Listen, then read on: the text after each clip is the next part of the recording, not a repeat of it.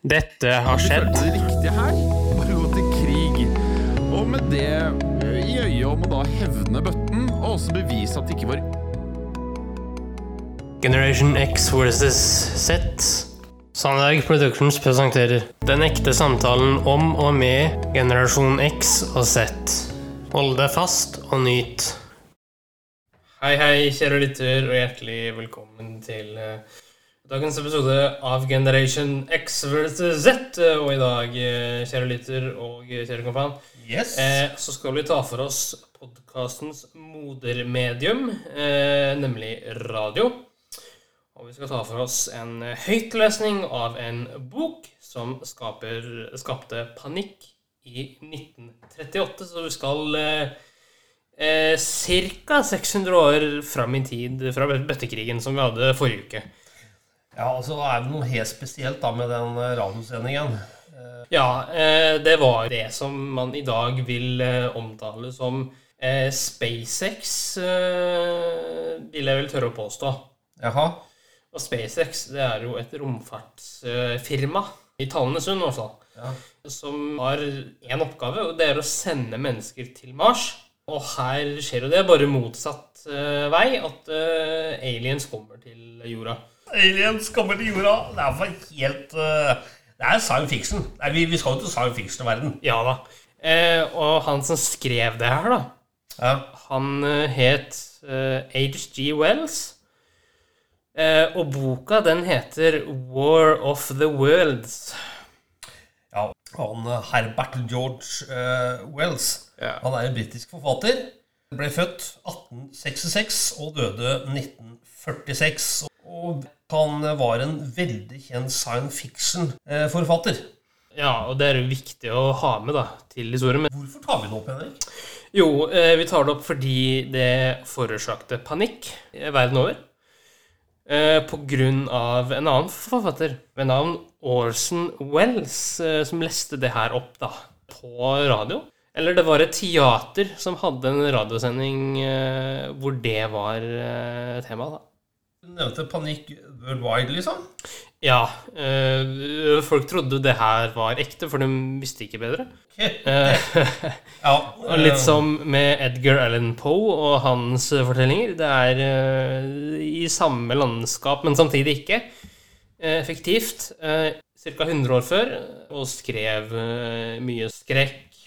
Eh, men vi skal ikke snakke om Edgar Allan Poe, vi skal snakke om eh, War of the Worlds av H.G. Wells. Ja, Skal vi høre da om eh, lytterne blir like skremt som den som hørte det i 1938? Ja, for det var jo da det ble sendt, da. Yes. Du skal da få høre, kjære lytter, høydepunkter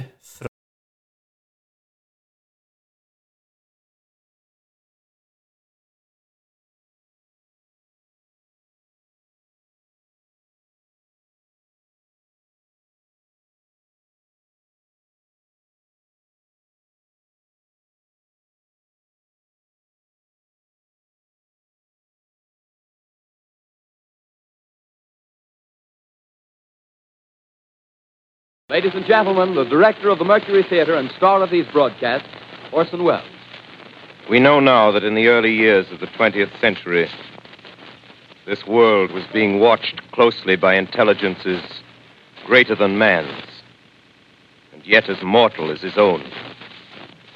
We know now that as human beings busied themselves about their various concerns, they were scrutinized and studied, perhaps almost as narrowly as a man with a microscope might scrutinize the transient creatures that swarm and multiply in a drop of water. With infinite complacence, people went to and fro over the earth about their little affairs, serene in the assurance of their dominion over this small, spinning fragment of solar driftwood, which by chance or design man has inherited out of the dark mystery of time and space.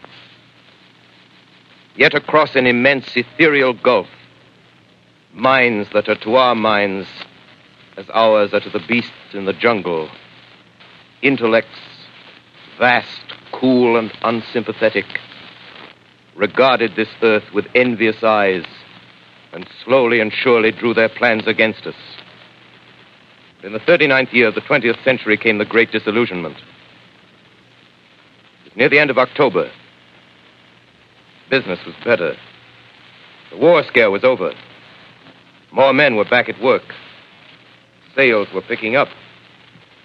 On this particular evening, October 30th, the Crosley service estimated that 32 million people were listening in on radios. For the next 24 hours, not much change in temperature.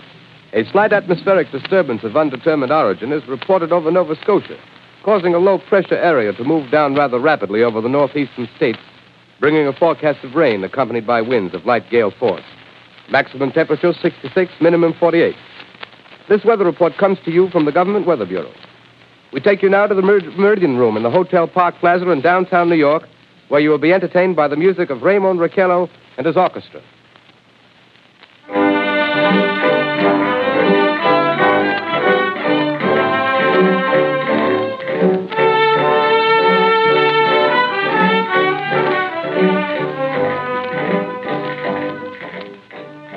Good evening, ladies and gentlemen.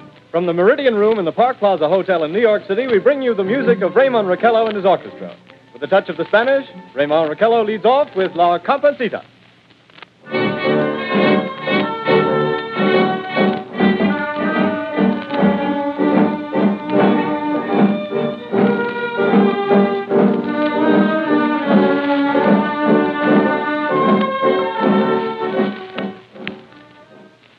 Ladies and gentlemen, we interrupt our program of dance music to bring you a special bulletin from the Intercontinental Radio News. At 20 minutes before 8 Central Time, Professor Farrell of the Mount Jennings Observatory, Chicago, Illinois, reports observing several explosions of incandescent gas occurring at regular intervals on the planet Mars. The spectroscope indicates the gas to be hydrogen and moving toward the Earth with enormous velocity. Professor Pearson of the observatory at Princeton confirms Farrell's observation and describes the phenomenon as, quote, like a jet of blue flame shot from a gun, unquote. We now return you to the music of Ramon Raquello playing for you in the Meridian Room of the Park Plaza Hotel situated in downtown New York.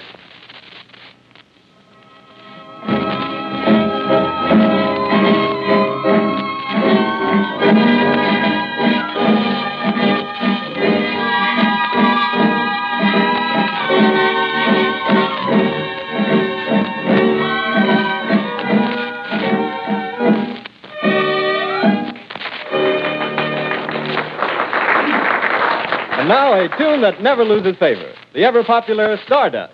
Ramon Raquello and his orchestra.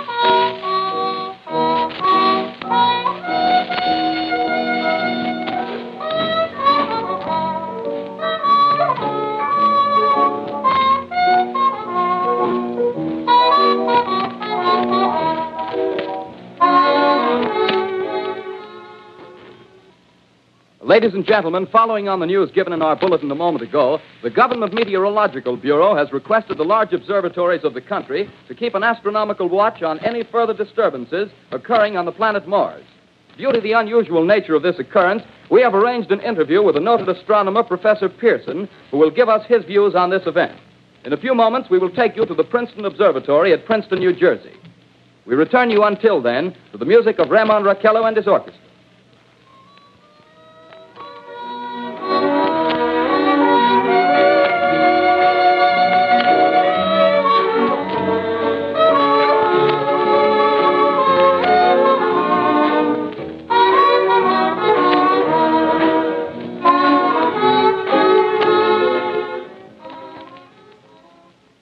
Ready now to take you to the Princeton Observatory at Princeton, where Carl Phillips, our commentator, will interview Professor Richard Pearson, famous astronomer. We take you now to Princeton, New Jersey. I'll ask you to be patient, ladies and gentlemen, during any delay that may arise during our interview. Besides the ceaseless watch of the heavens, Professor Pearson may be interrupted by telephone or other communications. During this period, he is in constant touch with the astronomical centers of the world. Professor, may I begin our questions? At any time, Mr. Phillips. Professor, would you please tell our radio audience exactly what you see as you observe the planet Mars through your telescope? Nothing unusual at the moment, Mr. Phillips. A red disk swimming in a blue sea. Transverse stripes across the disk.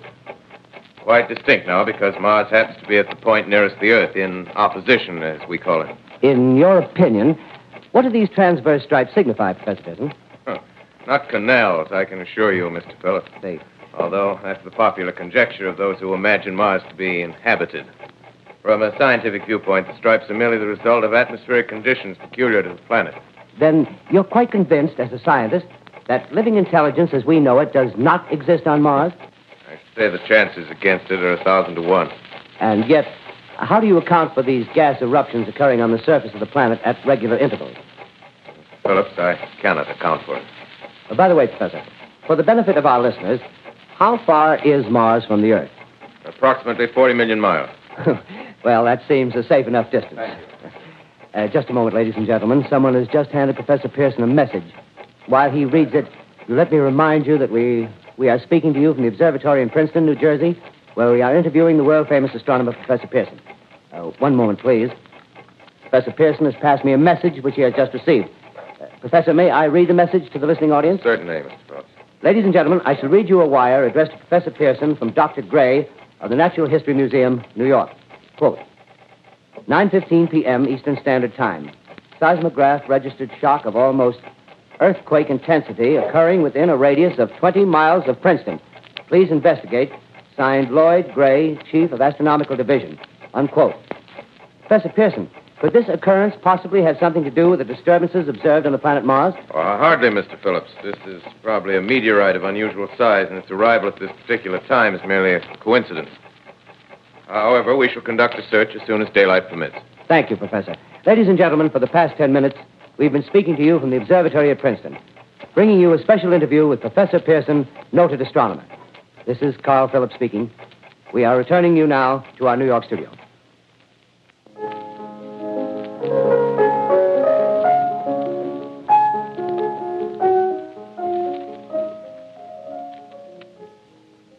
Ladies and gentlemen, here is the latest bulletin from the Intercontinental Radio News. Toronto, Canada. Professor Morris of Macmillan University reports observing a total of three explosions on the planet Mars between the hours of 7:45 p.m. and 9:20 p.m. Eastern Standard Time. This confirms earlier reports received from American observatories. Now, nearer home, comes a special bulletin from Trenton, New Jersey. It is reported that at 8:50 p.m. a huge flaming object, believed to be a meteorite, fell on a farm in the neighborhood of Grover's Mill, New Jersey, 22 miles from Trenton. The flash in the sky was visible within a radius of several hundred miles, and the noise of the impact was heard as far north as Elizabeth. We have dispatched a special mobile unit to the scene, and we'll have our commentator, Carl Phillips, give you a word picture of the scene as soon as he can reach there from Princeton. In the meantime, we take you to the Hotel Martinet in Brooklyn, where Bobby Millette and his orchestra are offering a program of dance music.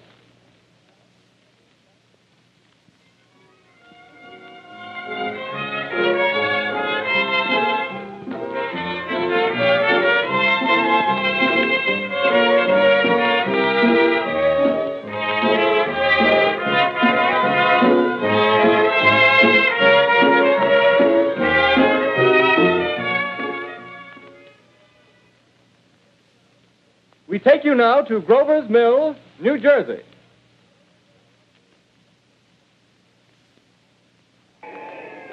Ladies and gentlemen, this is Carl Phillips again, out at the Wilmot Farm, Grover's Mill, New Jersey.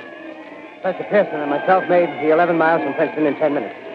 Well, I hardly know where to begin. To paint for you a word picture of the strange scene before my eyes, like something out of a modern Arabian Nights. Well, I just got here. I haven't had a chance to look around yet. I guess that's it. Yes, I guess that's the thing directly in front of me, half buried in a vast pit. Must have struck with terrific force. The ground is covered with splinters of a tree. It must have struck on its way down. But I can see the object itself doesn't look very much like a meteor. At least not the meteors I've seen. It looks more like a huge cylinder. Has a diameter of, um, um, what would you say, Professor Pearson? What's that? Uh, what would you say? Uh, what's the diameter of this? About 30 yards. About 30 yards. The metal on the sheath is, well, I've never seen anything like it. The color is sort of yellowish white. It's curious. Spectators now are pressing close to the object in spite of the efforts of the police to keep them back. They're getting in front of my line of vision. Uh, uh, would you mind standing one side, please? While the police are pushing the crowd back. Here's Mr. Wilmot, owner of the farm here. He may have some interesting facts to add. Mr. Wilmot, uh, would you please tell the radio audience as much as you remember of this rather unusual visitor that dropped in your backyard? Uh, uh, step closer, please. Ladies and gentlemen, this is Mr. Wilmot. Well, I was listening to the Uh, radio. closer and louder, please. Pardon me? Uh, louder, please, closer. Yes. I was listening to the radio and kind of drowsing. That professor fellow was talking about Mars, so I was half dozing and half. Yes, yes, Mr. Wilmot. And uh, then what happened? Well, as I was saying, I was listening to the radio, kind of halfway. Yes, Mr. Wilmot. And then you saw something. Well, not first off. I heard something. And what did you hear? A hissing sound like this. Uh, kind of like a Fourth of July rocket. Yes, then what? I turned my head out the window and would have sworn I was asleep and dreaming. Yes? I seen a kind of greenish streak and then zingo. Something smacked the ground, knocked me clear out of my chair. Well, were you frightened, Mr. Wilmot? Well, I ain't quite sure. I reckon I was kind of riled. Well, thank you, Mr. Wilmot. Thank you very much. Yeah, you want me to tell No, that's quite all right. That's plenty. Ladies and gentlemen, you've just heard Mr. Wilmot, owner of the farm where this thing has fallen. I wish I could convey the atmosphere, the background of this fantastic scene. Hundreds of cars are parked in a field in back of us, and the police are trying to rope off the roadway leading into the farm, but it's no use. They're breaking right through. The car's headlights throw an enormous spotlight on the pit where the object's half buried. Now, some of the more daring souls now are venturing near the edge. Uh, the silhouettes stand out against the metal chain. One man wants to touch the thing. He's having an argument with the policeman. Now, the policeman wins. Now, ladies and gentlemen, there's something I haven't mentioned in all this excitement, but it's becoming more distinct. Perhaps you've caught it already on your radio. Listen, please. Do you hear it? It's a curious humming sound that seems to come from inside the object. I'll uh, move the microphone nearer. Here. Now, we're not more than 25 feet away. Uh, can you hear it now? Uh, Professor Pearson, Yes, Mr. uh, can you tell us the meaning of that scraping noise inside the thing? Possibly the unequal cooling of its surface. I say, do you still think it's a meteor, Professor? I don't know what to think. The uh, metal casing is definitely extraterrestrial. Uh, not found on this Earth. Friction with the Earth's atmosphere usually tears holes in a meteorite. This thing is smooth and you can see of Uh, cylindrical just a minute. shape. Something's happening. Ladies and gentlemen, this is terrific. This end of the thing is beginning to flake off. The top is beginning to rotate like a screw, and this thing must be hollow. He's moving. Look, Keep back there! Keep back there! Keep those men back! Keep back there! Keep those idiots back! Ladies, off! The top's loose! Look out there! Stand back! ladies and gentlemen, this is the most terrifying thing I, I've ever witnessed. Wait a minute. Someone's crawling Someone out or- or something. I can see coming out of that black hole two lu- luminous discs. The eyes, it might be a face, might be almost. Oh, Good oh, heavens, something wriggling out of the shadow like a gray snake. Now it's another one and another one and another one. They look like tentacles to me. Oh, yeah, I can see the thing's body now. It's large, as large as a bear. It glistens like wet leather, but that face, it, it, ladies and gentlemen, it's indescribable. I can hardly force myself to keep looking at it. It's so awful. The eyes are black and they gleam like a serpent. The mouth is that's kind of V-shaped with saliva dripping from its rimless lips. It seems to oh, quiver and pulsate, and the monster or whatever it is can hardly move. It seems weighed down by uh, possibly gravity or something. The thing's rising up now, and the crowd falls back. They've seen plenty. The most extraordinary experience, ladies and gentlemen. I can't find words. Well, I'll pull this microphone with me as I talk. I'll have to stop the description till I can take a new position. Hold on, will you please? I'll be right back in a minute.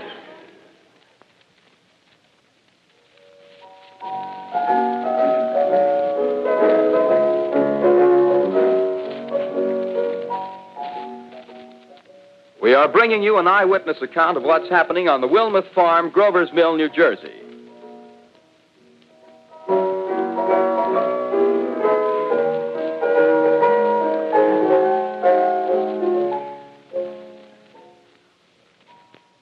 Now return you to Carl Phillips at Grover's Mill. Ladies and gentlemen, I on? Ladies and gentlemen, ladies and gentlemen, here I am, back of a stone wall that adjoins Mr. Wilmer's garden. From here, I get a sweep of the whole scene. I'll give you every detail as long as I can talk and as long as I can see. The more state police have arrived. They're drawing up a cordon in front of the pit. About 30 of them. No need to push the crowd back now. They're willing to keep their distance. The captain's conferring with someone. Can't quite see who. Oh, yes, I believe it's Professor Pearson. Yes, it is. Now, now they've parted, and the professor moves around one side, studying the object, while the captain and two policemen advance with something in their hands. I can see it now. It's a white handkerchief tied to a pole. Flag of truce. If those creatures know what that means, what anything means. Wait a minute, something's happening. Humped shape is rising out of the pit. I can make out a small beam of light against a mirror. There's a jet of flame springing from the mirror and it leaps right at the advancing men. It strikes them head on. Lord, they're turning into flames. Now the whole field's caught up by the woods, the barns, the, the gas tanks, tanks of the automobiles spreading everywhere. It's coming this way now, about 20 yards to my right.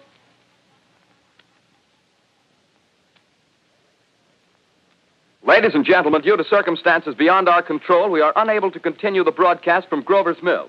Evidently, there's some difficulty with our field transmission. However, we will return to that point at the earliest opportunity.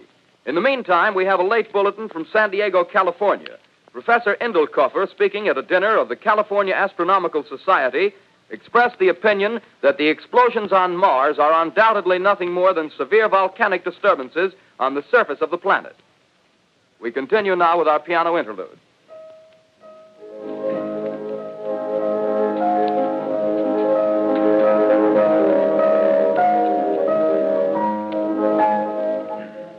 Ladies and gentlemen, I've just been handed a message that came in from Grover's Mill by telephone. Just one moment, please. At least 40 people, including six state troopers, lie dead in a field east of the village of Grover's Mill, their bodies burned and distorted beyond all possible recognition. The next voice you hear will be that of Brigadier General Montgomery Smith, commander of the state militia at Trenton, New Jersey. I have been requested by the governor of New Jersey to place the counties of Mercer and Middlesex as as far west as Princeton and uh, east to Jamesburg under martial law. No one will be permitted to enter this area except by special pass issued by state or military authorities. Four companies of state militia are proceeding from Trenton to Grover's Mill and uh, will aid in the evacuation of homes within the range of military operations. Thank you. You have just been listening to General Montgomery Smith, commanding the state militia at Trenton. In the meantime, further details of the catastrophe at Grover's Mill are coming in. The strange creatures, after unleashing their deadly assault, crawled back in their pit and made no attempt to prevent the efforts of the firemen to recover the bodies and extinguish the fire. The combined fire departments of Mercer County are fighting the flames which menace the entire countryside. We have been unable to establish any contact with our mobile unit at Grover's Mill, but we hope to be able to return you there at the earliest possible moment. In the meantime, we take you to. Just one moment, please. Ladies and gentlemen, I have just been informed that we have finally established communication with an eyewitness of the tragedy.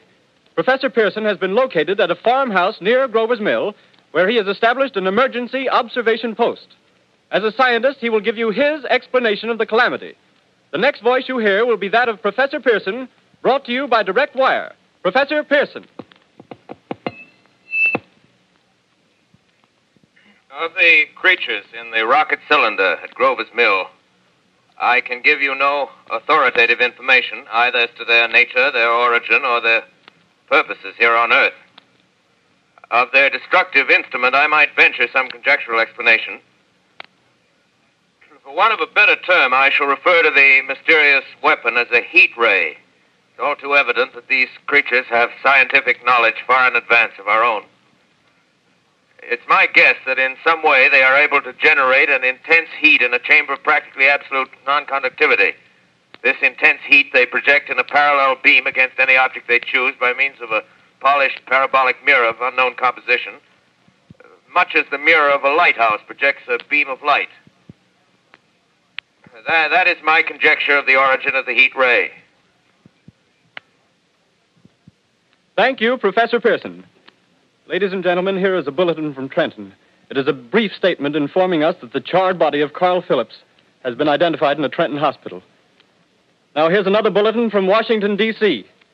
The Office of the Director of the National Red Cross reports 10 units of Red Cross emergency workers have been assigned to the headquarters of the state militia, stationed outside of Grover's Mill, New Jersey. Here's a bulletin from State Police, Princeton Junction. The fires at Grover's Mill and vicinity are now under control. Scouts report all quiet in the pit, and there is no sign of life appearing from the mouth of the cylinder. Now, ladies and gentlemen, we have a special statement from Mr. Harry McDonald, Vice President in charge of operations. We have received a request from the state militia of Trenton to place at their disposal our entire broadcasting facilities. In view of the gravity of the situation, and believing that radio has a responsibility to serve in the public interest at all times, we are turning over our facilities to the state militia at Trenton.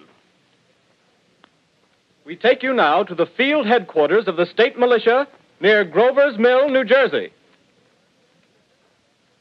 This is Captain Lansing of the Signal Corps, attached to the state militia, now engaged in military operations in the vicinity of Grover's Mill. Situation arising from the reported presence of certain individuals of unidentified nature is now under complete control. The cylindrical object, which lies in a pit directly below our position, surrounded on all sides by eight battalions of infantry, without heavy field pieces, but adequately armed with rifles and machine guns. All cause for alarm, if such cause ever existed, is now entirely unjustified. The things, whatever they are, do not even venture to poke their heads above the pit. I can see their hiding place plainly in the glare of the searchlights here. With all their reported resources, these creatures can scarcely stand up against heavy machine gun fire. Anyway, it's an interesting outing for the troops. I can make out their khaki uniforms crossing back and forth in front of the lights. Looks almost like a real war. There appears to be some slight smoke in the woods bordering the Millstone River. Probably fire started by campers. Well, uh, we ought to see some action soon. One of the companies is deploying on the left flank. A quick thrust and it'll all be over. Now, wait a minute. I, I see something on top of the cylinder. No, no, it's nothing but a shadow. Now the troops are on the edge of the Wilmot farm. 7,000 armed men closing in on an old metal tube. A tub, rather. Well, wait, that wasn't a shadow. It's something moving. Solid metal, kind of a shield like affair rising up out of the cylinder. It's going higher and higher. What? It's, it's standing on legs, actually rearing up on a sort of metal framework. Now it's reaching above the trees and the searchlights are on it. Hold on.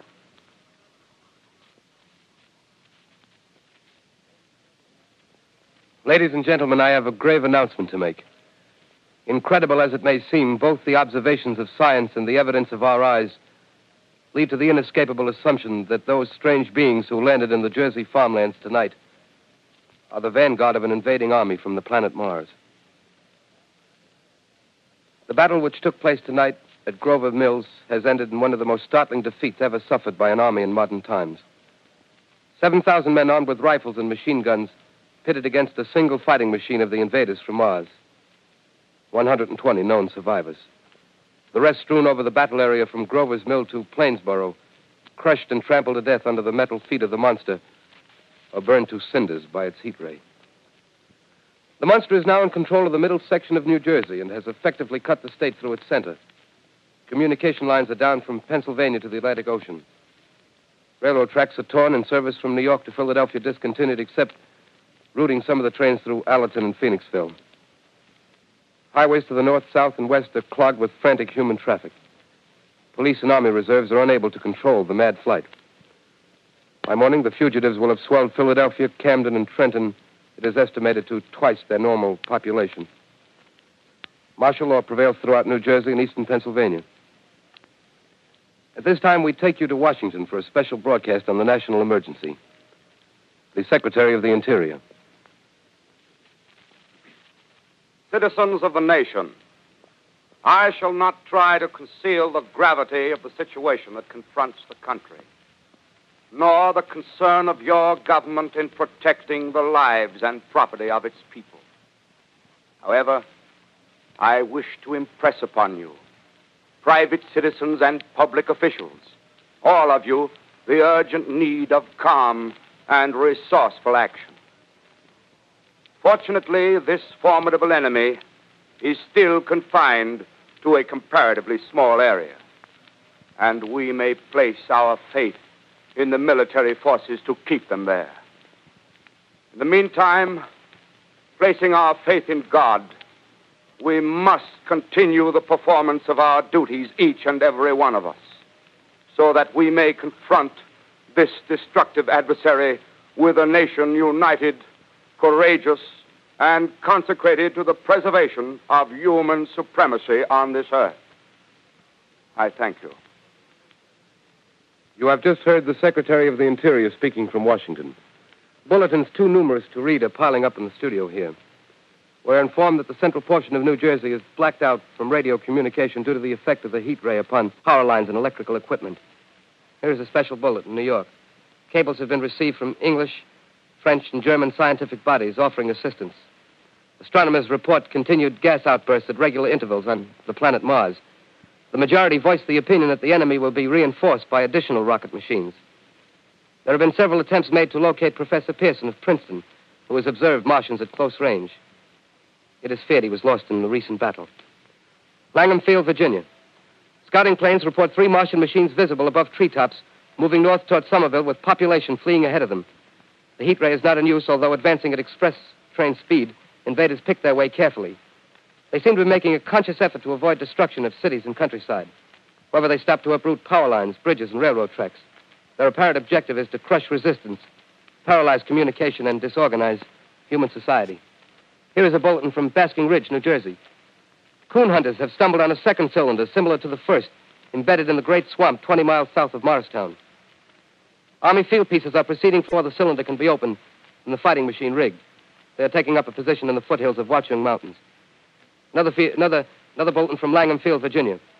Scouting planes report enemy machines now three in number, increasing speed northward, kicking over houses and trees in their evident haste to form a conjunction with their allies south of Morristown.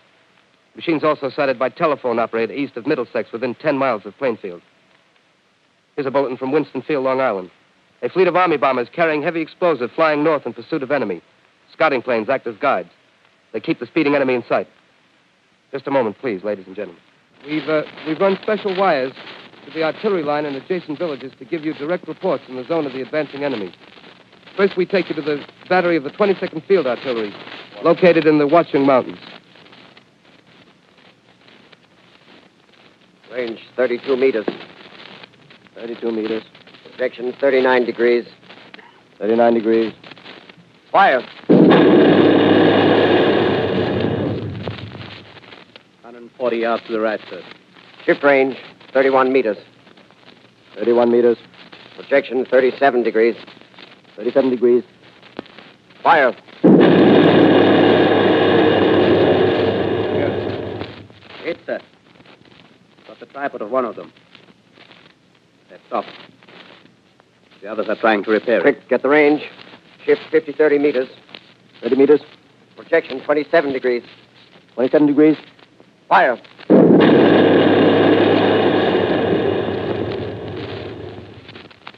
Can see the shell land, sir. Letting off a smoke. What is it? Black smoke, sir. Moving this way. Lying close to the ground. Moving fast. Put on gas masks. Get ready to fire. Shift to 24 meters. 24 meters. Projection 24 degrees. 24 degrees. Fire.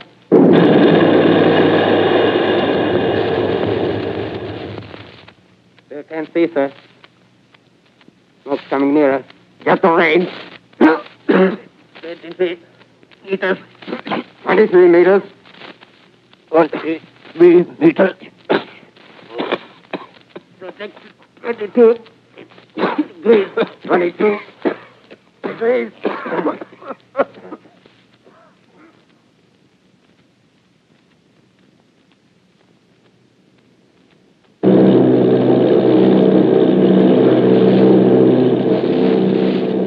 Army bombing plane V-843 off Bayonne, New Jersey. Lieutenant Voght, commanding eight bombers, reporting to Commander Fairfax, Langham Field. This is Voght reporting to Commander Fairfax, Langham Field. Enemy tripod machines now in sight. Reinforced by three machines from the Morristown cylinder. Six altogether. One machine partially crippled. Believed hit by shell from Army gun in Watchung Mountains. Guns now appear silent. A heavy black fog hanging close to the earth of extreme density, nature unknown. No sign of heat ray. Enemy now turns east, crossing Passaic River into the Jersey marshes. Another straddles the Pulaski Skyway. Evident objective is New York City. They're pushing down a high tension power station. The machines are close together now, and we're ready to attack. Planes circling, ready to strike. A thousand yards and we'll be over the first.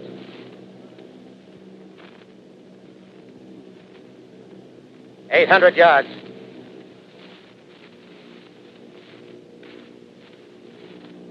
Six hundred.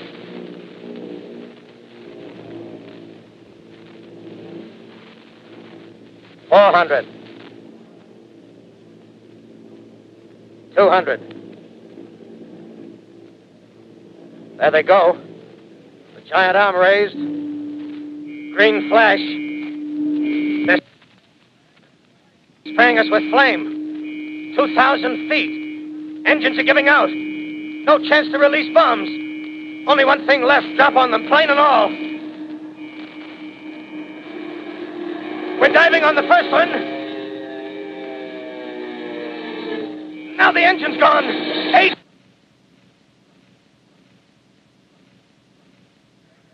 This is Bayonne, New Jersey, calling Langham Field. This is Bayonne, New Jersey, calling Langham Field. Come in, please. This is Langham Field. Go ahead. Eight Army bombers in engagement with enemy tripod machines over Jersey Flats. Engines incapacitated by heat ray. All crashed. One enemy machine destroyed. Enemy now discharging heavy black smoke in direction of. This is Newark, New Jersey. This is Newark, New Jersey. Warning.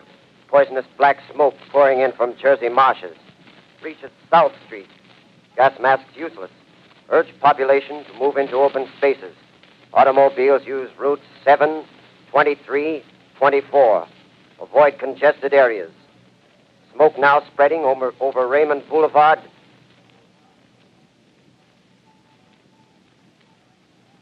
Two X two L calling CQ. Two X two L calling CQ. Two X two L calling eight X three R. Come in, please. This is 8X3R coming back at 2X2L. How's reception? How's reception? K, please. Where are you, eight X three R? What's the matter? Where are you?